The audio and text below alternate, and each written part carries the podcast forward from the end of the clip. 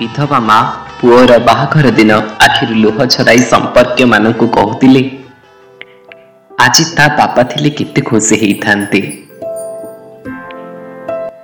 ବିବାହର ବର୍ଷକ ପରେ ପୁଅ ଓ ବୋହୁ ଅଲଗା ରହିବା ପାଇଁ ଘରୁ ବାହାରିବା ସମୟରେ ଲୁହ ଛରାଇ ମନକୁ ମନ କହିଲେ ଆଜି ତା ବାପା ଥିଲେ କେତେ ଦୁଃଖ ପାଇଥାନ୍ତି।